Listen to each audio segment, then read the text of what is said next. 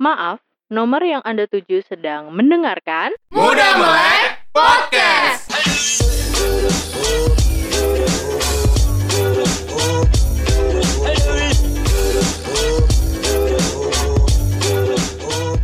Perbincangan tentang proses membangun karir dan topik personal development rasanya jadi pembahasan yang menarik untuk disimak gitu ya. Khususnya mungkin bagi mereka, bagi gue, bagi kita yang lagi di tahapan membangun karir dan mungkin memproyeksikan akan seperti apa sih gue di masa depan gitu in terms of karir profesional kita. That's why uh, gue terpikir untuk membicarakannya dalam uh, rekaman podcast ini. Terlebih memang belakangan gue juga lagi sering terpapar dengan sejumlah tokoh yang akhirnya juga gue coba kuliti gitu ya. Gue coba pelajari perspektif mereka dan pengalaman mereka dalam proses membangun karir dan juga nama mereka hingga pada titik kesuksesan di hari ini gitu. Dan gue perhatikan sebagian besar mereka rata-rata memiliki kesamaan pola bahwa mereka punya mentor.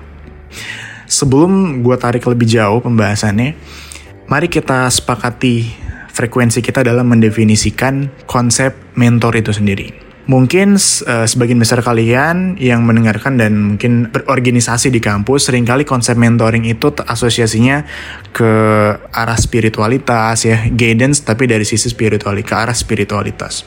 Tapi mungkin dari pembahasan ini gue coba perluas ya konteksnya bahwa mentor yang gue diskusikan, gue coba bicarakan di sini adalah sosok yang memberikan guidance dari keilmuan dia, expertise-nya dia, pengalaman dia yang kemudian dituangkan ke orang-orang tertentu yang tujuannya adalah sebenarnya untuk memberikan pedoman bagi orang tersebut dan istilahnya lebih mudah lah dalam menjalani tahapan proses mereka bertumbuh. Kira-kira gitu. Singkatnya ada orang dengan sejumlah ilmu dan pengalaman membagikan hal itu kepada mentinya. Dalam hal ini adalah orang yang diberikan guidance tadi gitu ya. Clear ya? Sehingga spektrumnya akan gue perluas. Tapi dalam hal ini gue coba spesifikkan konteksnya dalam proses kita membangun karir yang mau kita tuju. Sebetulnya istilah mentorship tuh sudah cukup familiar di telinga gue sejak I don't know kayaknya semester 3 atau semester 4 kuliah gitu ya mulai sering gue mendengarkan kata mentor gitu bahwa dalam kita menemukan karir kita, jati diri kita, mentor sering kali bisa membantu. Kira-kira gitu narasinya. Nah, tapi kemudian pertanyaan gue saat itu juga adalah lalu gimana caranya nemuin mentor? Gue sempat bertanya ke beberapa orang di seminar gitu ya. Jawaban mereka kurang lebih sama intinya, lu harus tahu dulu apa yang lu mau sehingga lu bisa jelas minta bantuan si mentor mau diarahin ke mana. Tapi jawaban itu pun tidak memuaskan gue uh, karena tujuannya kan gue pengen dapat mentor. Terus kalau dibalikin gue harus nyari tahu diri gue juga, ya gimana gitu. Itu jadi proses berulang yang nggak nggak menemu titik akhirnya gitu. Sehingga gue tidak lagi fokus di sana. Intinya gue coba menjalani apa yang bisa gue jalankan. Tapi tetap kegamangan itu tetap terjadi bahkan sampai akhir uh, semester gue berkuliah pun gue merasa gue tidak puas dengan apa yang gue jalani. Dan kayaknya ada ada satu hal yang bisa gue gua boost up gitu ya uh, dari diri gue ya gitu. Cuman gue belum tahu dan belum nemu toolsnya aja. Sehingga tetap jawaban yang gue butuhkan adalah gue butuh mentor. Dan alhasil uh, sampailah gue di fase akhirnya gue bener-bener serius itu mencari mentor. Dan entah gimana ceritanya ini mungkin memang suratan takdir kali ya. Uh, bertemulah gue dengan mentor gue saat ini yaitu Prof. Renald Kasali. Uh, mungkin kalau lo googling namanya, beliau adalah seorang akademisi yang cukup dikenal lah di Indonesia yang punya track record dan kredibilitas di bidang uh, business management dan social enterprise gitu, which is topik dan keyword-keyword yang gue juga cari gitu. Alhasil gue tinggal dengan beliau di tempat beliau itu di rumah perubahan dan belajar dengan beliau, ngeproject bareng beliau. Dan ternyata gue merasa gue bisa coba perlahan menyimpulkan proses mentorship gitu ya dengan orang, dengan sosok tertentu dan proses kita menemukan apa yang kita mau tuh dua jalur yang semestinya berjalan beriringan.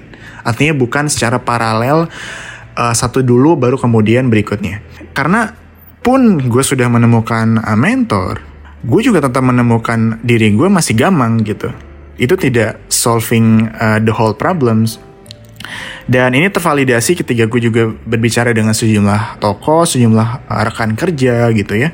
Mereka juga menemukan fase yang kurang lebih sama gitu. Bahkan pada satu kesempatan saat itu Pak Ganjar Pranowo lagi mampir ke tempat gue dan ditanya soal kegambangan karir di kalangan anak muda. Ya beliau simply jawab, ya itu hal yang normal gitu dan gonta-ganti kerjaan itu sesuatu yang wajar karena itu proses pencarian juga gitu. Bahkan satu kesempatan lain, gue juga sempat mendiskusikan ini dengan Arif Pocong ya, Arif Muhammad. Dia bilang bahwa gue juga sempat mengalami itu di zaman setelah dia terkenal booming sebagai pocong yang GI-nya 3 itu. Uh, lalu 2014 kalau nggak salah dia sempat off dari Twitter dan merasa dia juga bingung gue akan ke mana nih karirnya gitu. Sementara dia kan secara disiplin ilmu adalah orang hukum ya. Tapi juga jiwanya mungkin arahnya nggak ke sana gitu. Sementara saat itu Twitter sedang mencapai uh, titik jenuh lah. Dan dia juga ngaku insecure dengan dirinya sendiri gitu. Di di level yang kita sama-sama tahu dia seterkenal itu dengan pencapaian-pencapaian dia yang lain gitu terlebih juga kalau gue melihat di sekitar gue teman-teman juga banyak yang entah itu lulus duluan gitu ya di tengah jalan dia confused dia bingung dengan arah hidupnya. Itu juga sesuatu yang common kan.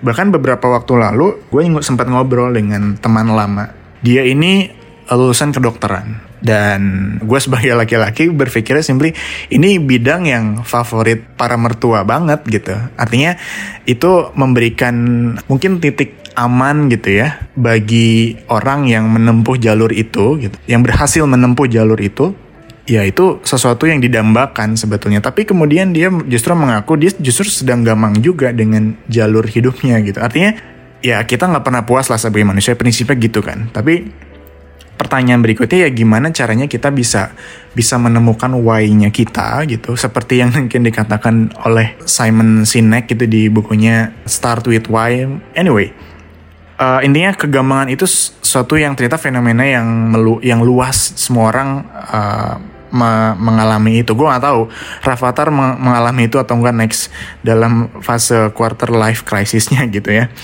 Tapi ya, prinsipnya itu adalah fenomena yang common. Nah uh, yang menarik pembahasan ini juga ternyata secara beruntun gue dapat pada saat gue ngobrol dengan uh, teman-teman lama gitu ya. Uh, karena beberapa hari lalu gue sempat bertemu juga dengan teman SD uh, kebetulan ada satu teman gue nikah dan kita akhirnya berkumpul dan beberapa teman bercerita soal ketidakpuasannya dalam karirnya. Kemudian ada yang bercerita uh, kebetulan dia lulusan SMK di bidang akuntansi saat ini bekerja sebagai admin dan merasa karirnya tuh gitu-gitu aja gitu. Dan bertanya gue harus ke mana ya? gitu. Bahkan dia nyari dia minta ada nggak job sampingan yang bisa gue isi? gitu. Nah di fase ini menambah dilema-dilema yang ada di kepala gue juga gitu.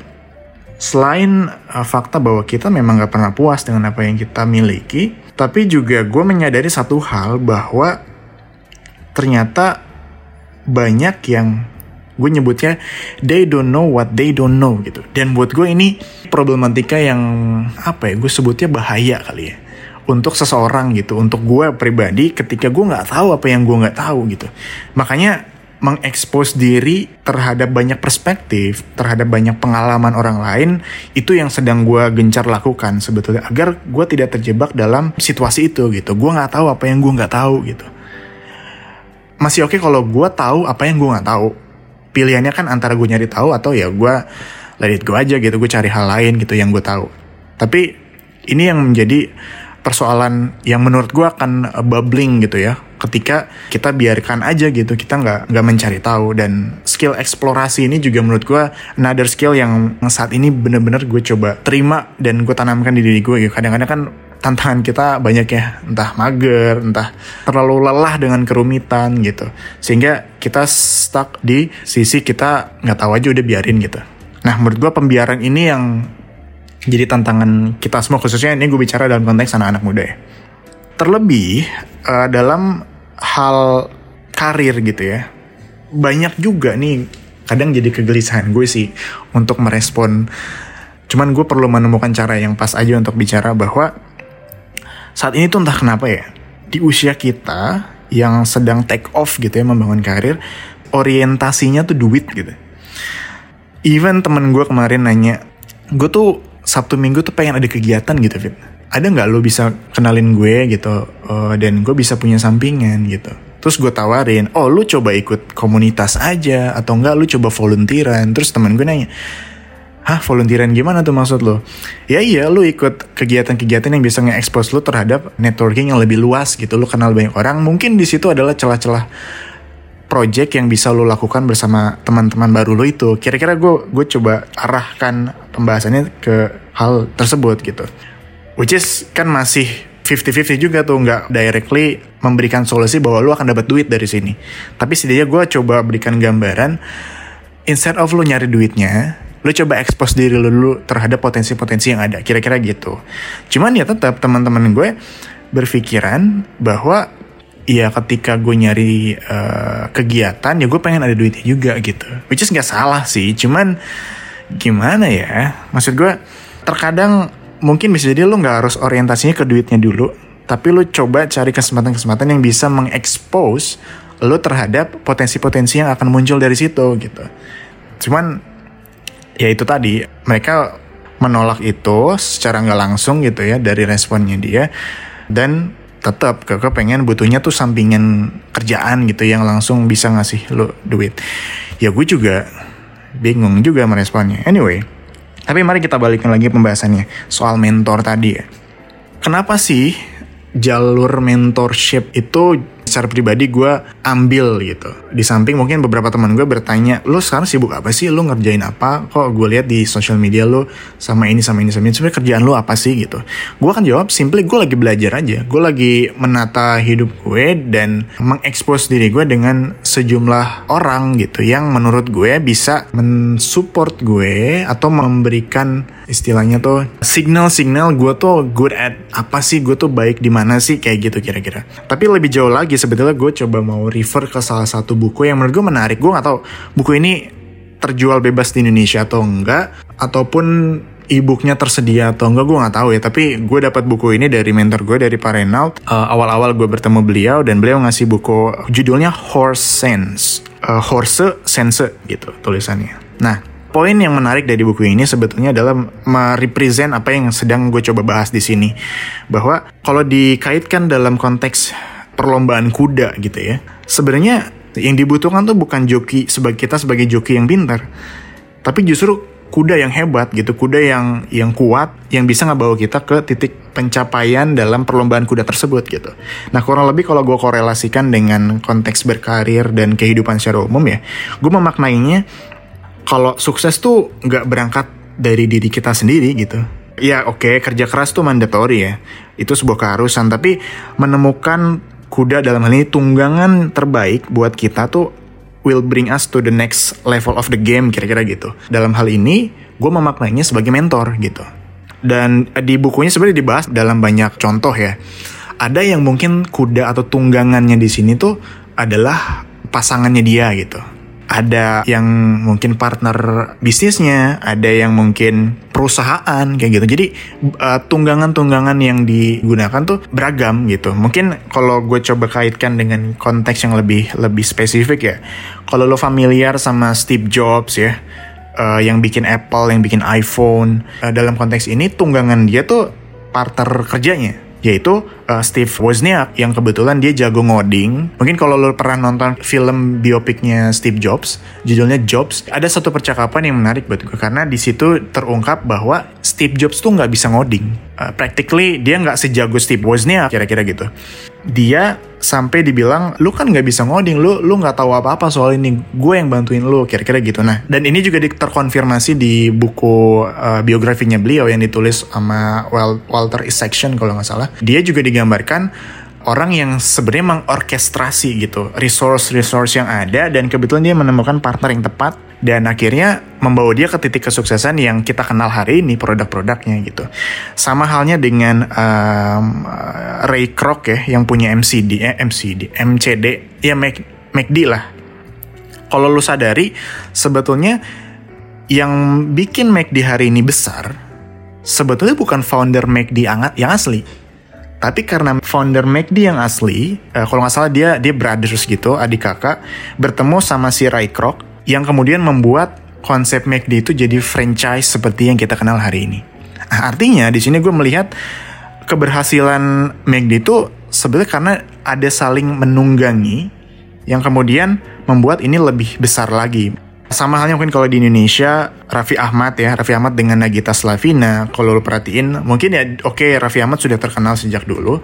Uh, begitupun Nagita dengan TH yang dia dirikan ya uh, tapi lo perhatikan deh ketika mereka jadi uh, Raffi dan Gigi yang kita kenal hari ini gue nggak bisa berkata-kata lagi karena memang ini orang luar biasa banget gitu dari dari beragam pencapaian yang yang dia miliki hari ini gitu. Artinya pasangan juga bisa jadi tunggangan yang tepat dan ini jadi concern uh, gue uh, dan mungkin lo juga yang mungkin saat ini sudah dalam tahapan menjadi dewasa dan mencari partner hidup mencari sosok yang bisa mensupport keberhasilan lo ataupun tujuan-tujuan hidup lo, pencapaian-pencapaian hidup lo itu juga jadi persoalan sendiri, men.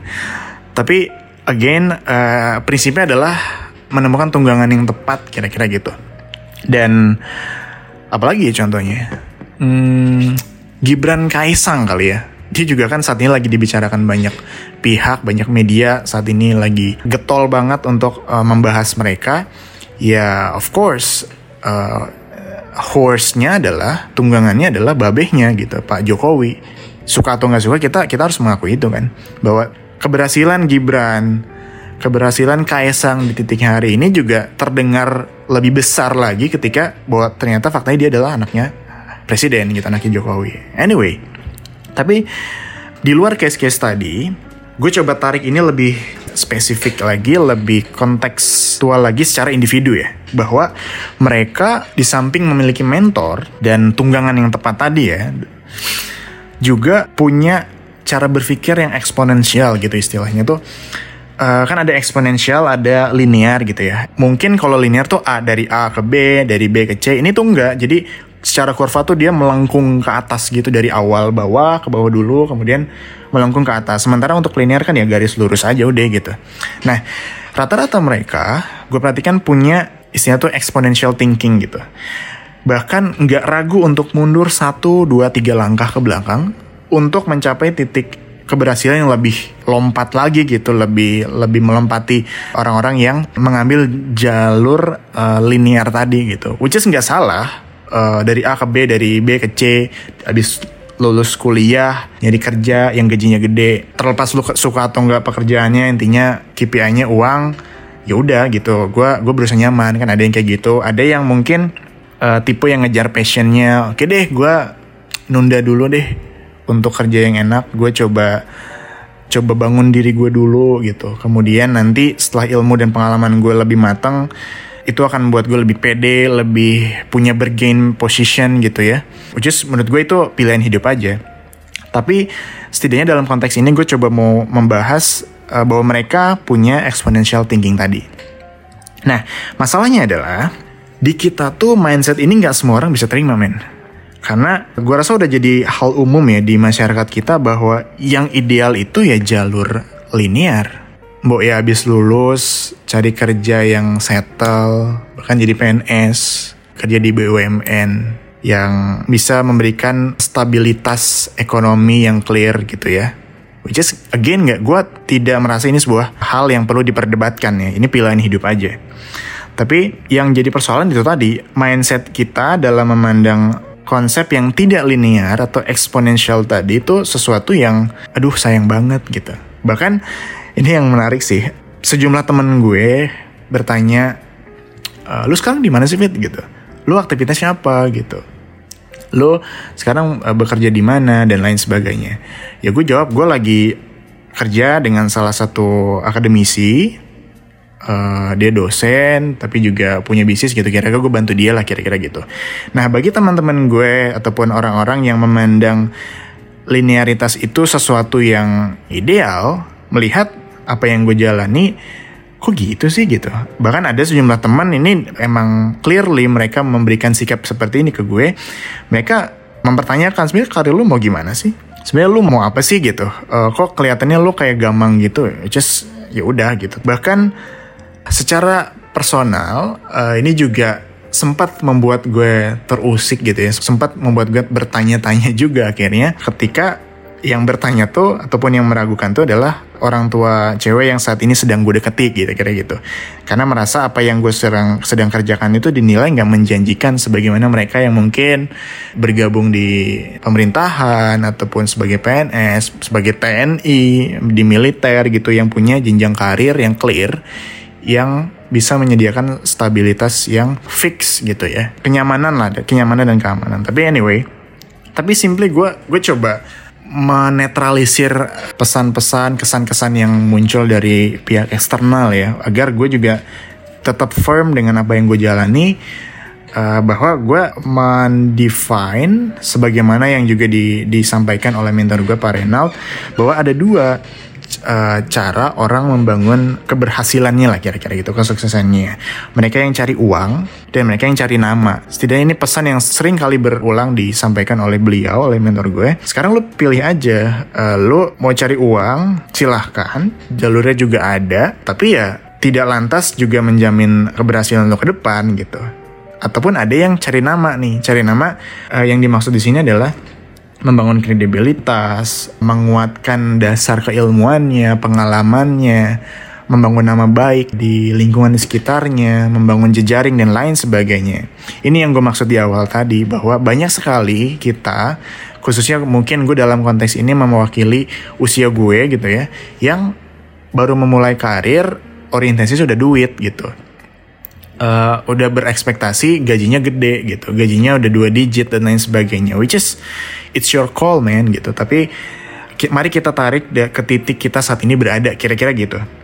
Uh, mungkin lo ingat fenomena beberapa tahun lalu ya uh, yang mana ada salah satu alumni di kampus ternama uh, lalu mengeluhkan soal gila gue cuma digaji segini gue tuh lulusan kampus ini loh gitu ya ini agak kontradiktif dengan konsep yang tadi gue sampaikan ya soal jalur mencari nama gitu membangun nama gitu tapi again itu pilihan hidupnya lah. Gue nggak ingin mendebat, tapi gue cuma memaparkan pemahaman dan perspektif gue aja dalam pembahasan ini gitu. Yang again gue coba coba refleksikan terhadap apa yang sedang gue jalani. Lalu kemudian ada juga yang bekerja dan berkarya. Ini juga satu topik persoalan yang menurut gue menarik juga untuk diulas gitu ya. Kalau nggak salah di bukunya Panji ya, Indiepreneur kalau nggak salah dia pernah bikin buku itu dan dia coba menggambarkan ada mereka yang bekerja, ada yang mereka yang berkarya. Kurang lebih sebenarnya ini merepresent uh, konsep tadi cari uang dan cari nama ya. Ada yang memang kerja aja udah cari duit, terlepas dia suka apa enggak dengan kerjaannya, pokoknya gue dapet duit segini, satu minggu gue libur, I'm enjoying my life gitu. Tapi ada juga yang sifatnya berkarya gitu. Um, mungkin uang materi yang didapatkan tidak sebesar itu, tapi ada kepuasan, ada networking, ada uh, personal development yang terbangun di situ dan akhirnya membuat dia lebih fun dalam mengerjakan apa yang dia jalani kira-kira gitu. Dan gue mendefine itu pun sebagai berkarya gitu ya. Terkadang dua hal ini menjadi pilihan uh, yang harus ditempuh salah satu. Tapi to some extent gue melihat ini juga bisa saling uh, mensupport satu sama lain. Konteksnya gini ada beberapa temen gue yang curhat gitu ya. Dia tuh anaknya nyeni banget lah gitu seniman gitu ya main musik cuman dia juga sadar gue tuh sadar Fit. Gue juga nggak bisa langsung gede gitu dengan apa yang gue jalani. Dan kadang gue juga ditentang karena pilihan kayak gini kan nggak populer ya gitu. Artinya uh, udahlah yang bener-bener aja kerja sebagai uh, karyawan gitu yang dapat duit tiap bulan gitu. Sementara untuk jadi seniman tuh uh, susah untuk mendapatkan stabilitas kayak gitu mungkin di awal kali ya. Nah, ya yang terpikir oleh gue pada saat obrolan itu terjadi, mungkin yang harus ditempuh adalah dua-duanya gitu. Lo kerja juga gitu, mau nggak mau dapur lo harus ngebul, sehingga lo bisa membiayai proses lo dalam berkarya kira-kira gitu. Makanya uh, dalam hal ini gue sepakat kalau mungkin dua-duanya harus ditempuh juga gitu. Artinya lo kerja juga, tapi di sisi lain lo bisa membiayai hidup lo yang juga sedang berkarya kira-kira gitu. Jadi saling menopang satu sama lain. Nah, hal lain juga yang gue sadari bahwa ya dunia real itu sekeras itu kan ya. Uh, dan bahayanya adalah ketika kita abai aja gitu. Ketika kita nggak tahu apa yang kita nggak tahu. Kalau katanya, gue lupa ini yang ngomong Socrates atau Ari Aristotle ya. Aristotle bilang uh, kurang lebih the more you know, the more you actually don't know gitu. Karena ketika lo nyari tahu dan lo tahu sesuatu, sebenarnya di situ juga lo sadar bahwa lo tuh nggak tahu banyak hal yang tidak lo tahu gitu. Karena saat ini uh, dunia tuh entertain banget kan. Uh, gue punya teman yang satu tahun itu gonta-ganti kerjaan tuh banyak banget. Apakah mungkin pekerjaannya yang nggak cocok dengan dia? Gue lihat sih itu bidangnya dia gitu. Apakah perusahaan, culture perusahaan yang nggak cocok sama dia? Gue nggak tahu. Tapi yang pasti kayaknya banyak hal yang saat ini perubahannya cepat banget sehingga pressure-nya juga beda. Mungkin tidak setenang pada saat dulu, mungkin era-era sebelum pandemi, sebelum ada PHK di mana-mana. Intinya the world is changing now gitu. Nah, lalu gimana dong ngadepin kayak gini apalagi gue coba merefleksikan pertanyaan ini ini juga buat gue pribadi ya. Mungkin yang bisa memfasilitasi dengan kondisi hari ini adalah punya mindset yang eksploratif gitu. Kalau bahasanya uh, Prof. Renal tuh kecerdasan eksploratif gitu. Karena kan udah jadi rahasia umum ya bahwa pinter di kelas zaman sekolah gitu ya it doesn't mean lu bisa berhasil di luar juga anyway gitu. Juara kelas nggak menjadi juara kehidupan kira-kira gitu.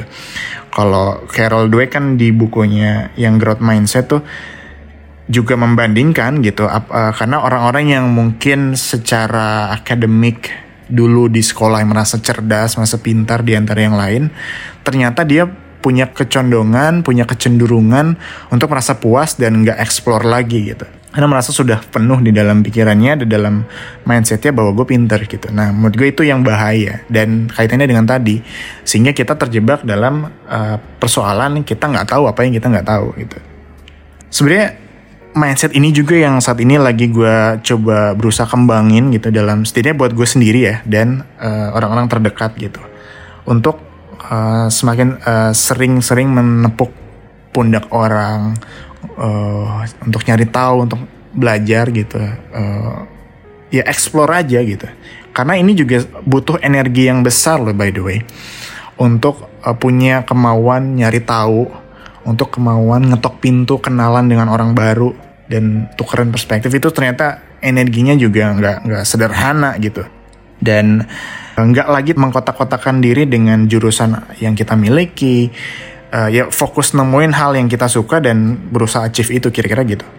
Dari titik itu harusnya sih jadi sosok yang membuka diri dan nggak takut untuk nanya kenapa gitu. Karena persoalan kita tuh sungkan ya gue nggak tahu di bahasa Inggris tuh kata sungkan tuh apa sih padanannya yang tepat gitu. Ya gue simply memaknai kayak emang orang Indonesia aja yang punya istilah untuk rasa nggak enak untuk nanya gitu. Kenapa gitu? Ya udahlah gitu. Berusaha untuk nggak takut untuk nanya kenapa why sehingga nggak terjebak dalam ketidaktahuan tadi gitu. Karena gue dan mungkin lo juga berhak tahu apa yang kita nggak tahu gitu. Kenapa orang takut gelap? Karena secara psikologis kita nggak tahu apa yang akan terjadi dalam kegelapan itu kan. Nah menurut gue eh, jalur mentor ini yang menurut gue bisa memfasilitasi kekhawatiran gue, kegamangan gue, ketakutan gue uh, ke depan gitu. Karena setidaknya gue punya teman diskus, gue punya teman berkonsultasi, uh, dan gak harus mentor. Kan definisi mentor tuh bisa lu, lu artikan ya teman yang punya cukup pengalaman yang bisa lu pelajari dari situ itu juga bisa jadi mentor gitu. Nah bicara soal mentor kebetulan mentor gue, Prof. Renald, buka satu program uh, mentorship intensif dengan beliau, namanya RK Menti. Mungkin lu, lu bisa cek di sosial media di @rkmenti e-nya 2 2024. Nah, itu lu bisa coba pelajari di situ kalau memang lu butuh ya. Artinya gue coba lempar ini kalau memang informasi ini relevan buat lu juga. Anyway, uh, mungkin gue coba berusaha untuk membuat rekaman podcast ini jadi serial gitu ya dan gak menutup kemungkinan juga melibatkan teman-teman gue yang lain dan berbagi perspektif gitu untuk memenuhi rasa penasaran tadi dan pertanyaan-pertanyaan kenapa dan why. Kalau lu juga punya pertanyaan, boleh DM, boleh kita discuss dan sama-sama bertanya kena why. Udah itu aja. Thank you. More or less. Well, here's something that you didn't know. Two of those special atomic bombs haven't gone off.